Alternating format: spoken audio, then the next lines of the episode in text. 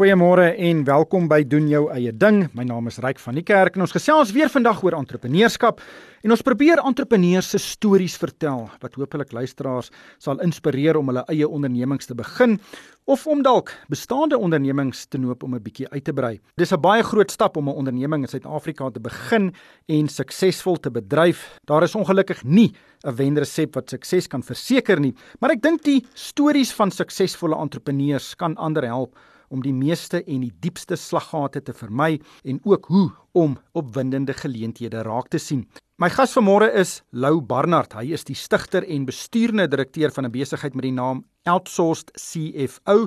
Nou Lou het al baie erkenning ontvang in die bedryf. Hy was al Sanlam en Business Partners se ontluikende entrepreneur van die jaar. Hy was ook een van die top onder 35 geoktroeëerde rekenmeesters in die land en onlangs is hy ook deur Insights sukses aangewys as een van die top 40 under 40 influencers in Suid-Afrika. Lou baie baie welkom by die program. Jy's nog baie jonk en jy het al baie baie reg gekry veral in die wêreld van rekeningkunde. Maar vertel ons, waar kom jy vandaan en wanneer het jy besluit rekeningkunde is my toekoms? Hallo Ryk. Ag, dankie man, is lekker om hier by jou te wees vandag. Ek waardeer die tydjie baie en dankie vir die belangstelling wat ons aanvang hierdie kant van die wêreld uh, ek is gebore in Kimberley. Ek het daar gematrikuleer aanvanklik. Uh, my ouers het daarso gewoon en my pa was by P wat nou PwC is al sy jare. Uh, hy was een van die vennote gewees uh, by die afdeling daarso en ek dink entrepreneurskap en besigheid was 'n uh, groot um, gesprekspunt rondom die etenstafel gewees by die huis altyd. Hy en my ma het uh, eiendomsportefeulje saamgebou. Hy die entrepreneurskapsafdeling en belastingafdeling van PwC van wat nou PwC is, daai het daarso bestuur. So ek dink was bevoorreg geweest om van 'n baie klein ouderdom af blootstelling te kry aan finansies aan die een kant en ook aan besigheid en entrepreneurskap aan die ander kant. En ek dink waar dit vir my reg begin het was toe ek 6 jaar oud was, toe ons skool in Sip A ons eerste entrepreneurskap dag gehad by die skool. En dit is regtig toe ons toe ons al eerste geleentheid gekry het om ietsie te te maak uit niks uit nie en te begin verkoop en te sien hoe mense mense kan intrek by so 'n sakeonderneming. Dit het regtig vir my die penny laat val ek ek wou veral van kindsbeen af half in in besigheid en entrepreneurskap en finansies ingegaan het. Kan jy onthou wat jy verkoop het op daai heel eerste entrepreneursdag? Ryk ongelukkig baie goed. Ons het kraletjies en bandjies wat mens kan aantrek verkoop daai eerste entrepreneursdag en ons verkope was baie sleg geweest. Ons het 'n baie interessante les daai eerste jaar geleer. En dit was dat kinders van daai ouderdom baie meer belangstel om iets te koop wat hulle kan eet as iets wat hulle kan aantrek. So ons het actually 'n baie 'n baie slegte jaar gehad die eerste jaar. Toe kom ons terug in jaar 2 en ons het vir verrassingsklappers gemaak met eetgoeders en en verrassingkies binnekant in en ook het ek dink 'n R20 noot op daai stadium in een van die klappers en dit het so soetkoek verkoop. Dit was uitstekend geweest. So ek dink daar was 'n baie goeie eerste les in terme van bring iets op die mark toe wat jou gebruikers regtig wil hê. Wat was jou heel eerste regte besigheid as ek dit so kan noem? So ons het 'n paar interessante goeders deur die jare probeer. Ons het 'n klein eiendomsgroepie saamgestig op universiteit al met 'n paar rekenmeesters en studente wat begin 'n eiendom of twee saam koop het. Ons het so een of twee interessante goeders probeer soos goudmyn in die DRC of Congo wat nie gewerk het nie uh, terwyl ons in ons articles was en en 'n paar ander interessante goeders maar die grootste ene eintlik maar was toe ons 25 was het ons outsource CEO begin wat nou hierdie Desember 8 jaar terug was en dis eintlik maar die eerste regte formele besigheid wat vlam gevat het. So julle is 'n klomp studente gewees en toe beskoop julle 'n goudmyn baie lank storie ek weet nie of jy luisteraars genoeg tyd het nie. Gee vir ons 'n 30 sekonde weergawe. So ons het 'n vriend gehad wat saam met ons klerskap gedoen het wat van daar af gekom het en wat familie in die regering gehad het en 'n klomp interessante goeders en 'n 'n lang pad gestap met hierdie man wat ons actually eintlik vriende geraak deur die loop van die 3 jaar se klerskap en so deur die loop van die tweede of derde jaar van klerskap te sê wel hy het 'n besigheidsgeleentheid. As ons 'n lisensie kan bekom dan kan ons goud in die bos aankoop. Ons kan 'n lisensie kry met kan ons kan dit Lubumbashi toe deurry. Ons kan dit smelt en ons kan dit uitvoer in die mark. Is ongelooflik en ons baie werkskepingsgeleenthede daarso en ons het spier en vlam ons het uh, ja ons het 'n uh, motorfiets gekoop ons het 'n uh, paar is 'n toerusting gehad en 'n paar mense gehad in die in die bos daarso een keer oorgevlieg ook om te gaan kyk hoe die operasies gaan. So na 6 maande se goeie beweging en daarna het die goeders begin stil staan en ons plaaslike man het ongelukkig verdwyn van die van die tafel af. So dit is nie dit is nie so goed te gaan nie maar ons sal definitief nie die lesse wat ons geleer het uit hierdie pogingkie jy weet ons sal sal dit vir niks vryhou nie So te verander jy van 'n goudmyner na na die die baas van 'n nuwe rekeningkunde besigheid. Dit blyk baie duidelik dat jy die raad gevolg het van skoenmaker hou jou by jou lees en jy fokus toe op rekeningkunde. Vertel ons van hoe jy op die saak idee gekom het van outsourced CFO. Ja, reg, ek dink jy weet ons het 3 jaar spandeer in audit klerkskap. Ons was almal op die CA roete gewees en dis dis deel van daai roete. Jy is bevoorreg om dan in omtrent 3 jaar se tyd kan jy sê maar op 100 verskillende maatskappye, so twee finansiële jare in 15 verskillende industrieë kan jy almal te sien kry. So jy leer hoe maak ouens geld, jy weet wat se besighede in industrie floreer, watter sukkel. Jy sien baie klein besighede, jy sien baie groot besighede en alles tussenin. So dis 'n baie goeie leerskool, maar wat ek gedink wat ek dink ons ons was by 'n medium grootte um, audit firma gewees. Ons het lekker klein en medium grootte kliënte gehad daarso. Daar was so 'n vergroting gewees dat daar is nie sommer 'n 'n CA vlak of geoktroeëerde rekenmeesterspersoon in 'n klein medium grootte besigheid nie. Dis 'n te duur uh, persoon om voltyds aan te stel en die besighede moet eers redelik groot wees voor hulle voltyds so 'n persoon kan kry. So ons het gevoel wel, wat as ons vir entrepreneurs op 'n vroeër stadium kan toegang gee tot 'n CA se se tipe van finansiële agtergrond en ervaring op 'n meer bekostigbare model, miskien deeltyds, sodat hulle daai belangrikste dele van hulle finansiële funksie goed kan oorbou en hulle besigheid kan opstel vir sukses op 'n vroeër stadium as wat hulle eers vir 10 of 15 jaar lank hulle koppe moet stamp. Ja, gewone klein ondernemings het 'n boekhouer en dan Dis word daar een keer 'n maand word daar nou 'n klomp fakture en kwitansies afgelewer en dan word die boeke nou gedoen. Wat bied julle bykomend tot dit?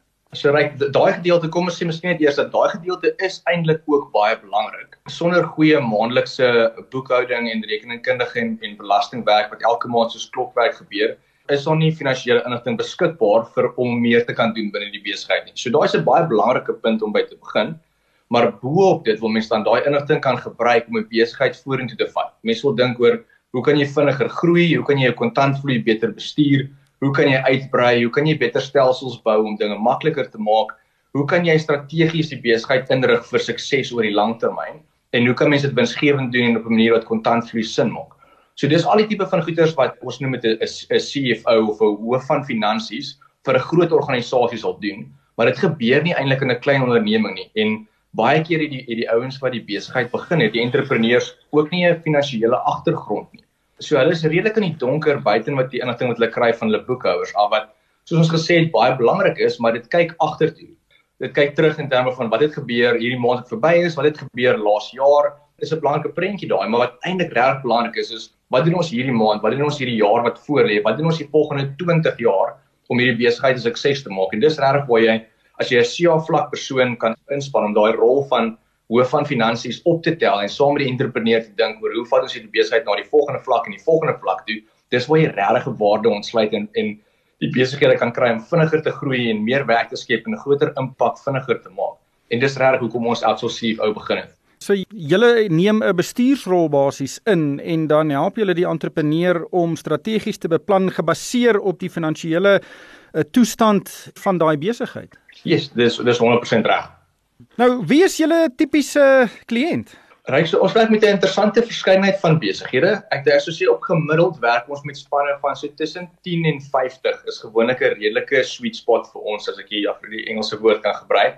Dis gewoonlik vir 'n besigheid. Hy's al klaar in die mark, hy het 'n goeie produk of diens, hy het 'n paar mense al aangestel, hy's al 'n paar jaar aan die gang, maar dis nou is maar 2 of 3 jaar aan die gang en dis nou tyd om die besigheid regtig na 'n volgende vlak toe te begin vat dis waar finansiële ingenieurswese regtig kan begin inkom om 'n besigheid te help om groei en waarde te begin ontsluit. Hulle sou of hulle weet hulle is nie meer besig om hulle eerste kliënt te soek noodwendig nie, hulle het al so 'n bietjie meer hulle self in die mark ehm um, gevind, maar ook jy hulle is nog nie heeltemal so groot dat hulle voltydse finansiële hoof hoef gaan aanstel nie.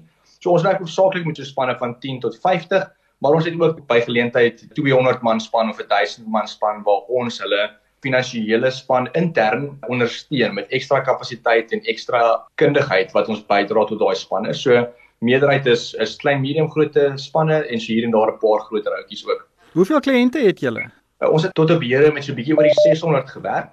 Ons is op 'n reis basies om 10000 entrepreneurs gedrewe besighede te bereik oor die volgende 10 of 15 jaar is ons groot doelwit bereik. So so ons is besig om daarna toe te werk en as ons teen ons huidige koers groei, dan kan ons van ons 600 kliënte tot op hede kan ons opbou tot by daai 10000 nommer van ons uh, binne 10 jaar eintlik op die oomblik uh, is die vooruitskatting. Dis vir ons 'n baie exciting journey om te dink oor hoeveel besighede, besigheidseienaars en ultimately mense kan ons bereik deur die proses. Ek neem aan jy gaan 'n uh, 'n groot span CA's of geoktroeëerde rekenmeesters moet hê om hierdie dienste te lewer aan al daai besighede. Absoluut. So die tweede gedeelte van ons groot doelwit is om 'n 1000 1000 personeel op die reis saam met ons te vat. So ons wil 'n 1000 uh, finansiële professionele persone intrek in die proses en ons is op 'n soortgelyke roete om te sê om min of meer 10 kliënte vir elke een finansiële professionele persoon is is is 'n redelike goeie balans op trend. So ons vooruitskatting is dat mense omtrent 1000 mense nodig het vir daai roete ons het hierdie jaar as 'n voorbeeld het ons 24 voltydse en oor die 20 deeltydse aanstellings gemaak wat verby is. So ons is besig om lekker momentum te kry in terme van daai nommers in na te jaag. So hoeveel mense werk tans by outsourced CFO? Ons is nou is 'n bietjie oor die 50 met voltyds en deeltyds en ons sal Januarie sal ons 60 uh, oorsteek. So julle was in 2013 basies julle was twee by die besigheid begin het, so julle was toe twee mense Nou is jy 50 8 jaar later en jy verwag om binnekort by 1000 uit te kom. As alles gaan soos volgens plan sal ons binne 10 jaar daar wees ryk. Dis die plan. Ek gesels met Lou Barnard. Hy is die stigter en besturende direkteur van Outsourced CFO en dit is 'n onderneming wat geoktroeëerde rekenmeesterdienste aan klein ondernemings lewer en dit is ondernemings wat nie altyd 'n voltydse CA kan bekostig nie en dan kan hulle by Outsource CFO toegang kry tot 'n CA en in die proses heelwat minder betaal. Maar Lou, kom ons gesels oor die kostes. Hoeveel minder kos dit om julle dienste te gebruik teenoor om byvoorbeeld 'n uh, deeltydse CA aan te stel of om 'n permanente een aan te stel? Ja, so gewoonlik is dit maar 'n voltydse plasing wat mense mee wil goed kon kompeteer.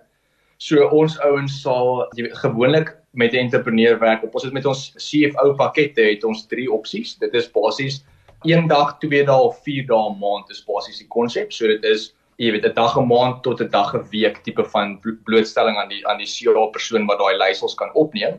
Al drie hierdie pakkette vergelyk dan baie baie gunstig teenoor 'n voltydse persoon. Ek dink die die intree vlak pakket van 8 ure 'n maand is seker so 10% omtrent van 'n voltydse persoon, 10-15% van 'n voltydse persoon se salaris wees. So dis ba is 'n baie goeie kostepunt as jy sê jy kort nie 'n voltydse persoon nie, jy kort net 'n klein bietjie blootstelling tot iemand, dan begin dit by so laag as 'n breekdeel van omtrent 15% van so 'n persoon se salaris en dit groei dan natuurlik in terme van hoeveel meer blootstelling hulle nodig het tot en met so die dag 'n week pakket is omtrent so die helfte van 'n voltydse persoon se prys. So daar's dan 'n tipping point waar mense met waar die entrepreneurs kan begin dink, is is dit dalk al die tyd om 'n voltydse persoon in te bring wat hulle hmm. basies uit hulle skoene uitgroei by ons. Ek kyk nou op julle webblad na die span wat nou deel is van Outsource CFO en daar's bittermin grys hare wat ek sien. Dis 'n baie baie jong span. Is dit uh, doelbewus? Ja, dit is definitief doelbewus reg. Die manne wat dit saam begin het, is almal 33 op oomblik, so hulle is almal redelike jong CEOs. En ek dink ook wat vir ons 'n groot kompeterende voordeel in die mark is, is tegnologie. En ons vind die die jonger generasie finansiële professionele persone tel die tegnologie baie vinniger op. Ons werk met 'n groot verskeidenheid cloud technologies wat ons uitrol aan ons kliënte met te dien en iemand wat miskien groot geword het op 'n baie ou weergawe van 'n pastelstelsel in 'n vorige era gaan nog nie so maklik so vinnig op die been kan kom met die met die finansiële stelsels wat ons vir kliënte inrig op hierdie stadium nie. So ons vind dat ouens wat 'n bietjie jonger is, is beter met tegnologie. Dit help definitief baie. En ons bou ook prosesse binne die besigheid om seker te maak dat ons al die basisse tref op elke kliënt sodat die kwaliteit van werk wat uitkom baie hoog is. So jy het nie net wendig iemand wat nou 30 jaar se ervaring het, het definitief baie ervaring, maar iemand wat miskien 5 na 10 jaar se ervaring het en baie sterk is op tegnologie en 'n baie goeie stel tools het om mee te werk, hulle kan ook 'n baie beter uitkoms bereik vir die besigheid. So ons vind die jonger professionele persone is is honger om te werk, hulle is laer koste vir die entrepreneurs, so is meer bekostigbaar as as iemand met baie grys hare en is al die waarde of meer as iemand met baie ervaring gewoonlik. Ek dink baie mense met grys hare sal met jou verskil, maar dis 'n interessante benadering. Maar ek wil terugkeer na die groei traject wat jy nou geskets het vroeër. Natuurlik is julle nou 'n klomp CA's, julle het Excel sigblaaie wat seker julle eie begrotings baie in detail uiteensit, maar het julle gesukkel met sekere dinge toe julle nou die besigheid begin het en begin groei het? Ja, sure, right. So ek weet daar's 'n redelike uh, baie verskeidenheid van goederes wat uh, wat oor mense tafel kom in terme van goederes wat mense mee sukkel, ek dink soos mense besigheid bou. Miskien aanvanklik is dit gewees om te skuif van die persoon wat al die werk op al die kliënte goederes doen, so of die werk waarmee ons gemaklik is, rekenkundige en finansiële werk, om te skuif van daai werk na die werk wat nodig is om 'n besigheid te bou. Wat goederes insluit soos bemarking, verkope, stelsels, bestuursvermoëns en 'n klomp verskeidenheid ander goederes, menslike hulpbronbestuur, aanstellings en daai tipe van goederes. Dit raak al hoe meer belangrik vir die ouens wat die besigheid begin om meer te kan fokus op daai goederes, om te kan die strategie en die kultuur en die die besigheid op 'n groter vlak te kan bestuur. En dis 'n baie moeilike gedaanteverwisseling wat nodig is van iemand wat kundig is in hulle area tot iemand wat kundig is as 'n besigheidseienaar of 'n besigheidsbestuurder. So ek dink daai was dalk 'n groot reis gewees om om te kom tot by 'n punt waar niemand van ons aanvanklike stigterslede eintlik meer direk met met die kliënte inligting werk nie. Ons bestuurspanne wat wat die werk uitvoer.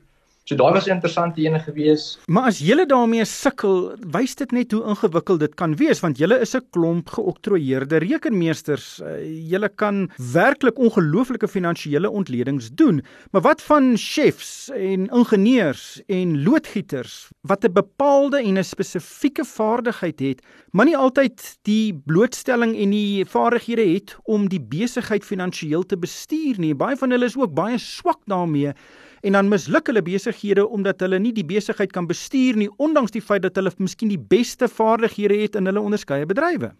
Ja, so ek dink dis een van die moeilikste goeters om waarskynlik aan te leer vir alles 'n mens 'n professionele persoon is of iemand met 'n spesifieke agtergrond en kwalifikasies soos 'n chef byvoorbeeld. Hulle is baie goed en gewoonlik baie passievol oor wat hulle doen as 'n nisarea.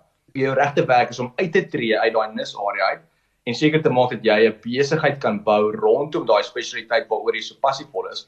Maar definitief dis dis moeilik. Dis hoekom entrepreneurskap so uitdagend is. Dis hoekom so baie klein besighede dit nie maak nie. Ek dink dis iets wat baie doelbewus aangewerk moet word as mens op so 'n reis van 'n eie besigheid bou is. Ja, ek dink die sleutel is mens moet dalk op 'n stadium gaan raad vra by spesialiste. Eh, en en ek dink dit is in 'n groot mate die rol wat julle ook vervul. Julle lewer finansiële strategie dienste seker meer as wat julle boekhoudingsdienste lewer, want dit is presies wat jy nodig het om te groei. Dis reg, dit as ons ons insaal oor 'n kontrakkort, dan gaan ons ons prokureur bel en as ons insaal oor 'n groot menslike hulpbronne aangeleentheid nodig het, dan gaan ons ons spesialiste in daai area bel ensovoorts. Net so is dit ook wonderlik om dan 'n finansiële persoon te hê wat jy na toe kan uitreik om te sê ons het met hierdie finansiële kwessie, ons moet kapitaal inwin volgende jaar. Ons weet nie wat om te doen nie of ons het ons het ophou groei, ons moet ons groei in die gang kry weer. Hoe gaan ons dit benader of enige sulke groot vrae? Dan is dit lekker om 'n span SIAs en finansiële persone te hê wat mense na toe kan uitreik om te help skuif van daai groot gedagtegange. Ja, baie entrepreneurs sal dink o nee, dis net nog 'n koste, maar ek dink daardie kostes kan van die beste geld wees wat hulle kan spandeer en dan die lewensvatbaarheid van daai besigheid verhoog. Maar Lou, dink jy daar's nog ruimte in ons ekonomie vir mense om 'n besigheid te begin, een persoon te wees op dag 1 en dan te groei tot 50 mense in jaar 8 en en dan in jaar 18 1000 mense. Ja, ek ek dink die antwoord daarvoor is definitief ja. Die mark is ongelooflik is ongelooflik groot. Daar is regtig baie klein en medium groot ondernemings in Suid-Afrika net as een voorbeeld wat hulp nodig het op verskeie fronte of dit 'n bemarkingsbesigheid of 'n finansiële konsultasiebesigheid of enigiets anders is. Dit is 'n baie groot mark met baie behoeftes en nie ongelooflike hoeveelheid kompetisie nie. So daar is ander spanne wat ook hierdie tipe van werk met verskillende benaderinge um, doen in die land. Uh, daar is baie ruimte vir spelers om dit te kan doen verseker en ek wil amper in terme van jou vraag, jy het spesifiek gesê in Suid-Afrika. En 'n interessante ding vir my was gewees om so ons het so 2 jaar terug agterkom Suid-Afrika is eintlik dis 'n bietjie meer as 0.2% van die wêreld se se totale BBP wat 'n baie interessante som is om dan te dink ons is eintlik 'n baie klein poeltjie om in te speel. En as 'n resultaat het ons as 'n span besluit ons wil regtig graag probeer om verder as die grense van Suid-Afrika te dink en ons het op die oomblik het ons kliënte in 17 verskillende lande oor die wêreld reeds gediens. Ek wil amper vir iemand sê wat bekommerd is dat daar dalk nie genoeg ruimte in die mark is om te speel in Suid-Afrika byvoorbeeld nie om 'n bietjie groter te dink want mense kan mense kan 'n diens oor grense deesdae na wat ons in 2020 geleer het baie baie goed lewer en ons is besig om al hoe meer internasionale kliënte ook in te bind wat baie interessant is. Wat is julle grootste ander mark buite in Suid-Afrika? So Amerika 'n grootte. Ons heel grootste kliënt by ver is is in Amerika. Ons tweede grootste kliënt is in Mauritius, ons derde grootste kliënt is in Tansanië, ons vierde grootste kliënt is in Engeland en dan is daar baie ouens in Suid-Afrika. So vir ons op die oomblik, die Amerikaanse mark het 'n baie groot talentskaarste op die oomblik, so dis 'n baie interessante ene om na te kyk en die Afrika mark is ook vir ons baie interessant. Ons is baie passief oor Afrika en daar's ongelooflik min kompetisie in Afrika vir die tipe van teens. So ons is ons is besig om om lekker te fokus op daai twee en dan in Europa en Engeland en so is daar definitief ook baie geleenthede. So ek dink ja, daar's baie spasie, die wêreld is baie groot. Ek dink is ja, mens moet net jou jou nis uitkerf, besluit wat se diens jy vir wie wil lewer en hoekom en regtig jouself toespits daarop. Ek dink Suid-Afrika is uitstekend geposisioneer om internasionale besighede in te bou. Dis so 'n hoë talent, lae onkoste omgewing met min wrywing om 'n besigheid in op te stel wat 'n internasionale kliëntebasis dien wat ek dink ons 'n voorbeeld van kan wees. Vir enige onderneming is toegang tot markte 'n geweldige uitdaging, veral in daai eerste paar jaar. Vertel vir ons, hoe het julle daai heel eerste kliënt gekry in Amerika want uh, ek neem aan Amerika is 'n ongelooflike mededingende mark veral in hierdie veld. Verseker, nee verseker hy. Die Amerikaanse kliënt was 'n verwysing geweest Ehm um, dit was uit een van die groot vier firmas het 'n audit vernoot wat die audit vernoot op hierdie kliënt was wêreldwyd wat ons 5 jaar terug op op die verhoog ontmoet het by 'n entrepreneurs en finansiële aangeleentheid het het daai verwysing vir ons gedoen. Dit is 'n baie moeilike een om om te sê, okay, kom ons doen dit nog 5 keer of kom ons doen dit nog 10 keer. Dis nie regtig iets wat mens kan laat gebeur nie. Ek dink net mense moet net ongelooflik baie goeders probeer en aanhoudend aan deure klop. Ek dink soveel as moontlik lig skyn op die besigheid dat soveel as moontlik mense weet waarmee mens besig is en hoekom dit waarvol kan wees. Verwysings is 'n baie goeie uh, bron van van besigheid veral in die vroeë stadium. Uh, en dan sou ek sê digitale bemarking is ongelooflik deesdae wat 'n mens kan doen en hoeveel mense mens kan bereik deur aanlyn kommunikasie met social media met Google en 'n klompie verskillende ander goeders Ons het 3000 mense 'n maand is op ons webwerf van reg oor die wêreld op hierdie op die oomblik en dit bring ongelooflik baie nuwe gesprekke in en is omdat ons regtig baie belê in die webtuiste, in die aanlyn werk van die besigheid, in die social media. Ek dink ons het 20 25000 followers op ons social media net vir die maatskappy en dan nog 10000de binne in al ons executive profiles. So ek dink dit is belangrik om die boodskap uit te kry van jou besigheid as jy wil groei eintlik 'n ongelooflike sukses storie. Lou, jammer die tyd het ons ingehaal. Ek dink ons kon nog vir ure lank gesels het, maar uh, baie dankie vir jou deelname vandag en regtig alle sterkte met julle reis na 1000 werknemers. Baie dankie Ryk, waardeer die tydjie baie. Dis heerlik om te gesels. Sterkte op vir julle ook. Baie dankie. Dit was Lou Barnard. Hy is die stigter en bestuurende direkteur van Outsourced CFO. Luisteraars is welkom om vir my 'n e e-pos te stuur. My adres is ryk@moneyweb.co.za. En daarmee moet ons groet van my ryk van die kerk en die Moneyweb span. Dankie vir die saamluister en ek koop almal beleef 'n fantastiese Dinsdag.